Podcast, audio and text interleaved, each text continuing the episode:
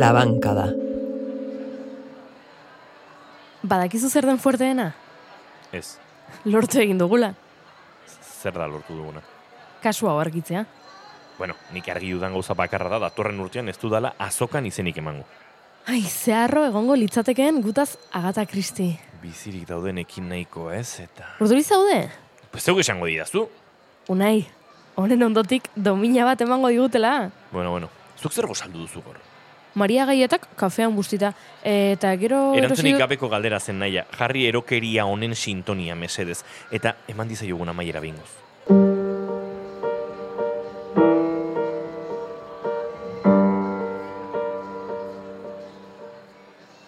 Unai, Zer? dakigun guztia jakinda, zer egingo dugu orain? Bazingo dugu banaia, ertzaintzaren gana joan. Ze bestela, Hori ez da ideia ona. Benga, naia, esaidazu txantxetan ari zarela. Esaidazu mesedez, naia, ba, joder, naia, etzara txantxetan ari. Nobeletan askotan gertatzen da. Badakizu zertaz ari naizen, ezta? Ba, kasu honetan ez, eta orokorrean ez da ere. Jo, eh? Ba, polizia tartean egoten dela. Eta hori zuk nola dakizu. Nire senak dira... Ah, bale, egia da, zure sena, bai, Bueno, unai. zer, Bueno, gaurkoan unai lorontzi bat baino konpainia okerragoa denez, zuekin arituko naiz Okerragoa. entzuleok. Azokako egun hauek eroak izaten ari badira, zer esan atzoko egunari buruz. eta gorko goiza, ez da edonolakoa izan, maja. Ara? Parte hartuko duzu azkenean? Ja, ja. Auskalo nola bukotuko dugun. Ba, hilda, naia, hilda bukatuko dugu. Bueno, baino ze ongi pasa dugun bitartean. Bai, de cojones, portaventura. Eta podcast viral bat sortu dugu. Kriston arrakasta. Betirako hor egongo dena. Euskal kulturzalek oroituko gaituzte. Uste duzuna baino dezente okerrago zaude, badakizu ez da. Ai, unai, benetan, eske, ze pelma zaren. Egingo diguzu mesedez azken gertakarien laburpena? Saiatuko naiz. Atzo arratsaldean podcasta argitaratu ostean uxu errazkinekin egin genuen topo berriz ere. Neska honek zoratu egingo gaitu Bai, azkenean. bueno, une oro moztu behar badidazu jarraituzu. Ez, ez, ez, ez. E, barkatu, barkatu. Segi, segi. Bueno, usuek gauza garrantzitsu bat komentatu nahi zigun. Kontua da nerea loiolaren eriotzaren albistea zabaldu aurretik, usuek asisko urmen eta ikusi zuela txakur gorrikoekin izketan. Danak nahi kurduri ziruditen eta gerturatu zenerako alde egin omen zuten. Uxuek kontatutakoa entzun bezain laster, txakur gorriakeko estandera joan ginen. Baina, anez genuen inor aurkitu. Arraroa benetan, azoka oraindik zabalik zegoelako. Beraz, asiskoren gana urbildu ginen. Zorrotzekoekin ari zen izketan. Eta urduri zegoen. Tira. Ez, urduri ez, hori baino gehiago. Zorrotzekoek alde egin zuten gu ikustean. Asisko berriz oso majo egon zen gurekin hasieran. Bai, tipo jatorra da. Baina erailketaren inguruan galdetu genionean aurpegia guztiz aldatu zitzaion. Zera, e, naia, zergatik ari gara hau guztia kontatzen. agerikoa delako kasuarekin zer ikusia duela. Bestela Bai. zergatik daude hain hermetiko denak. Bueno, Euskaldunak direlako. Esaten dutena baino gehiago dakitelako unai. Eta usu errazkinek zerbait nabaritu badu, Ja, bueno, usu errazkin agian gezurretan ari da. ez ez, dut uste. Kasua komplikatzen ari zeu. Bueno, zer galderari erantzun diogu behintzat, baina ez dakigu nork egin duen hau guztia. Ez da zergatik ere, dena den beti topatzen dugu zirrikituren bat. Boi, Martin, adibidez. Dei bat jaso dugu gaur goizean, eta jakina, grabatu egin dugu. Jarri unai. Sherlock, Bai esan, zuen interesekoa izan daiteken zerbait gogoratu dut. esan esan, naia ere entzuten ari da. Kaixo, kaixo. Arkaitzen eriotzaren albistea zabaldu zenean, Palentino tabernan geunden ardo batzuk hartzen iluntzean. Para barear. A asteazkenean ez da? E, hori da. Bale, bai, jarraitu, Martin. Ba, taberna jendez lepo zegoen. Idazleak, editoreak, gerediagakoak eta argitaletxetako arrain potoloak tarteko. Hmm. Ba, gizue, parandula guztia. Bai. Ba, mobile izan zuten. Eh? Mobida, nortzuk. Kulturelkarte hortakoek eta argitaletxetakoek. Zerbait entzun zenun? Ba, oso gutxi. Atentzio eta amurro eman zidan arkaitzen eriotza zaritu ordez, azoka itxi beharraren inguruan ari zirelako. Hala ere, e, gu berehala joan ginen, hilketarena sinistu ezinik oraindik. Ba, eskerrik asko berriz ere, Martin. Estimatzen dugu. Zuei eta kontu zibili. Ez du lagun gehiago galdu nahi bidean. Bai, lasai, zaindu zure. Pelma bat naizela irudituko zaizu, baina Bai. bai. nahi iruditzen... Bai zer! Egia dela astuna zarela. Bale, baina ertzaintzaren laguntza behar dugu, naia. Ez ez, nahi, ez ez. Ez ez? Zeratik ez. E, Ezin diegu eskura jarri lortu dugun guztia. E, Ez naiz fido. Hau argitzeko modu bakarra dago. Ai dios, zer duzu buruan, naia? Ni ez naiz Mikel Laboa liburaren aurkezpera joan eta dagokioneri galdetzea. Hombre, bueno, e, Mikel Laboari uste ezingo diogula galdetu. Bai, eta lerik ez da geratzen, baina tira, guazen. Ordu erdi barru zuzenean konektatuko dugu bertan. Libruri geratzen ez den liburu aurkezpen batera guazen zule. E, segituan garazuk. Euskal kantaririk miretsiena eta maitatuena, gure kulturaren erreferente nagusia izan zen Mikel Aboa. Bere bizitza marrazkitan islatzeko erronkartu dute Unai Iturriaga, Arkaitzkano eta Joseba Larretxek. Hiru buru Geldi pentsa- denok! Ura ez da Mikel Laboa eta zu etzara arkaitzkano. Zer? Prestatuta ekarri duzu esalditxoa, eh? Baina zuz, zuz zerra, zerra izara esaten. Uste dut nahiko argitze egin dudala. Zu etzara arkaitzkano. Asier ormaza zara, aktorea. Hau onarte zina da. Zoazte mendik, bazterrak nahaztera etorri zareteta. Bazterrak zuek nastu dituzue detektibe jauna. Arkaitzkano hilda dago. Bueno, bueno, mesedes, deliratzen ari dira abi hauek. Ta zu nortzara. Argitaletxeko arrai potoloetan potoloenetakoa, esango nuke. Nire aurkezpena izorratu nahi zenuten, ados. Lortu duzue, nahi zenuten arreta lortu duzue. Ikusten, e, guztiak zuei begira daude. Orain, egio zuen mesede zuen buruari eta alde hemendik. Eta orain zer naia. Bai, Improvisatu egingo dugu. Ze? Zu hasi izketan. E, bueno, e, badakigun nerea loiola hildu zuela. Ala, unai! Zer? Hori amaieran esan behar genuen. Tipo, efekto sorpresa. Ja, bueno, naia. Jo que se, urduri nago. Nerea loiola zuek hil zenuten ezta? Badakigu berak hil zuela arkaitzkano. Hori ez da posible.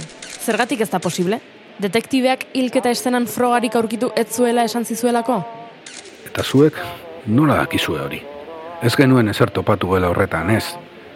Eta garbi dago nereak ez zuela inoril, hemen bertan dagoelako arkaizkan unai eta Josebaren aldamenean eserita. Liburu zoragarri bat aurkezten, beraz, tira. Hobe duzu hemendik alde egin. Nereak hil zuen arkaitz, arrazoi literarioak tarteko. Baina horrek ez du garrantziarik orain. Frogak utzi zituen bere logelan.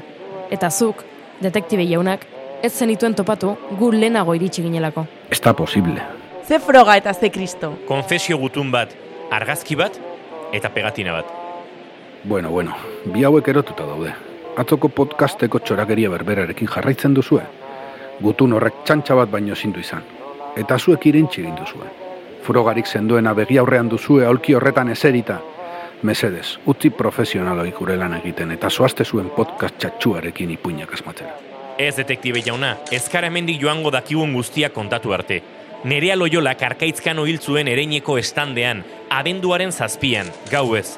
Uste dugu Euskadi sari irabazi ez izanagatik edo, berdin du, zuek arkaitz hilda zegoela konfirmatu zenutenean, aktore bat kontratatzea erabaki zenuten, eta modu horretan hilketa estaltzea. Txorakeriak. Zergatik egin beharko nuke ba Nikolakorik. Sekulako presioa jaso zenuelako.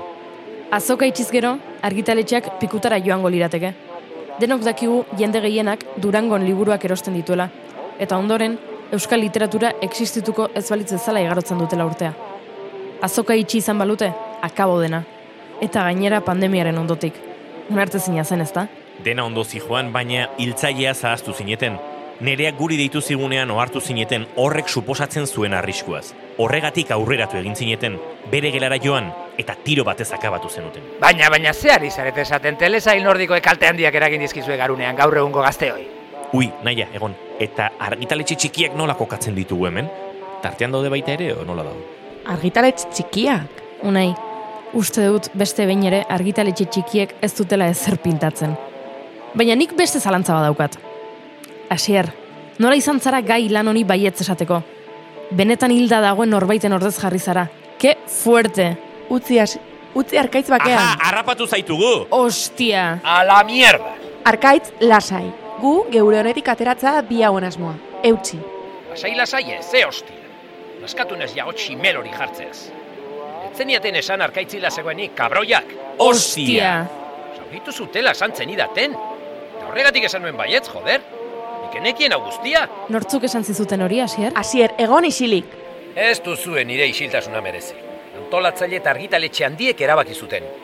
Euskal kulturaren hobe beharrez galerak handiegiak izango zirela bestela. Vamos, zuek esan duzuena bete-betean. Hau ere nobeletan gertatzen da, naia. Osea, normala da edo jarri dezaket jada izu horpegia. Buah, Hau ikusi dudan gauzarik fuerteen adaunai. Orduan, ormazak etzekien benetan arkaitzkano hilda zegoenik. Ze hostia jakingo nuen nik. Miserable hutsak zarete. Honek ez du esan gata ez buru. Mesedez, lasaitu gaitezen. Dio zuen guztia gertatu izan balitz polizia jakingo luke hau da, gu jakinarien gainean geundeke. Eta zindagizuet, gela honetan zaudeten guztioi, kontu Eta hau... entzule guztioi! Mm, zer? Nola? Zuzenean emititzen ari gara eta ez nituen gure entzuleak ahaztu nahi. Zuek bio nerekin etorriko zarete hau guztia argitzen dugunean, kokoteraino naukazue. Zer ari nintzen esaten? Ah, bai, zindagizuet bi hauek kontatzen ari diren historioa ez dela egia. Alegia, gezur galanta dela. Egia esateko, detektibe jauna, hasieratik izan ditugu zalantzak zurekin. Ez zote zinen zirku handi honen parte izango. Ze, klaro, zure laguntza beharrezkoa zen dena isilik gorde eta arkaitzen eriotzaren albistea fake bat izan zela zabaltzeko. Ze, kriston dirutza ordainduko zizuten edo? A ber, mesedez, podcast bat sortu duzu eta izarrak zaretela iruditzen zaizue. Ondori horretara iristeko ez dago oso detektibe fina izan beharrik. Eta badakit zertaz ari naizen. Arrapatu egin zaituztegu. Horregatik egon zinen hain borde hoteleko atarien ikusi gintuzunean, ezta? Etzenuen guk gure ikerketarekin jarraitzerik nahi. Esan zenidaten arkaitz zauritu zutela, baina hilda dago joder, ze hostia egin duzue! Guk ez genuen arkaitzil, hasier, nereak egin zuen hori. Guk euskal literatura salbatu nahi genuen, besterik gabe. Beste idazle bat hiltzen salbatu nahi zenuten literatura? Kaka! Zuek, zuek, zuen argitaletxeak salbatu nahi zenituzten. Ez zen argitaletxe bateko kontua soilik, ekosistema oso bat zegoen jokoan. Azokaren bidez gutxieneko diru kopuru bat lortzen ez badugu, akabo oinarrizko sostengua eta akabo dena. Hori da nahi duzuena? Ni ba noa hemendik. Nola ba, zu atxilotuta zaude. Ze? Eta orain zer, unai? Orain zer, talde terapia egin beharko dutela hobe guztiek, bestela martxa honetan ez da idazlik geratuko datorren urteko azokarako. Utzi txantxak orain unai, mesedez. Zer da hori? Zuk zer uste duzu? Geldi denok, atxilotuta zaudete. Azkenean, eraman ezazue tipo hau nire begi bistatik. Zu ere gurekin zatoz lakarra. Guztiok zaudete atxilotuta hau argitzen dugun arte. Gu ere bai? Guztiok esan dut. Ba, baina, gu izan gara eta den argitu dutenak. Bai, den argitu duzue frogak eskutatu dituzuelako eta ikerketa ostopatu duzuelako. Baina guregatik izan ez balitz? Nik domina bat nahi dut. Hori epaiak erabakiko du. Eta jakin momentuz podcasta saretatik kenduko dugula. Nola? Naia, Bai, unai, badakit, ez dela justua? ez ez naia begira, hau oso fuertea da. Zer gertatzen da? Begira zenbat match ditudan Tinderren bapatean. De, bukatu da nire lehortea? E, benetan? Hori da orain inporta zaizun bakarra? Podcastak kendu digutela, joder! Eh. Aspaldi egin behar ziguten hori, egia esan, asko tarratu dut. Zu, bai, zu, unai zara, ezta? Ekarri. Ze- Zer? E- ez, baina, me- me- mesedez bost minutu utzi matxe egiten, joder, baina, a ber, Ala, toma, berezita. Entzuten duzu? Gutxalotzen ari dira. Famatuak gara? Lortu dugu nahi. Urrena kasu bat dagoenean deitu egingo digute eta han izango garago. Unai eta naia, naia eta unai. Prest gaizkileak harrapatzeko. lelo bat beharko genuke. Nik aski dut zurekin.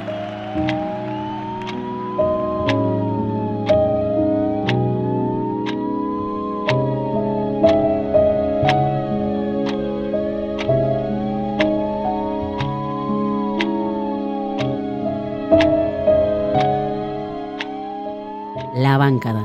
Korima Filmsek naiz irratiarentzat ekoitzitako podcasta. Gidoia, Nerea Loiola eta Oxu Errazkin. Ekoizpena, soinu diseinua eta edizioa Goiuri Ezeiza eta Inigo Asensio.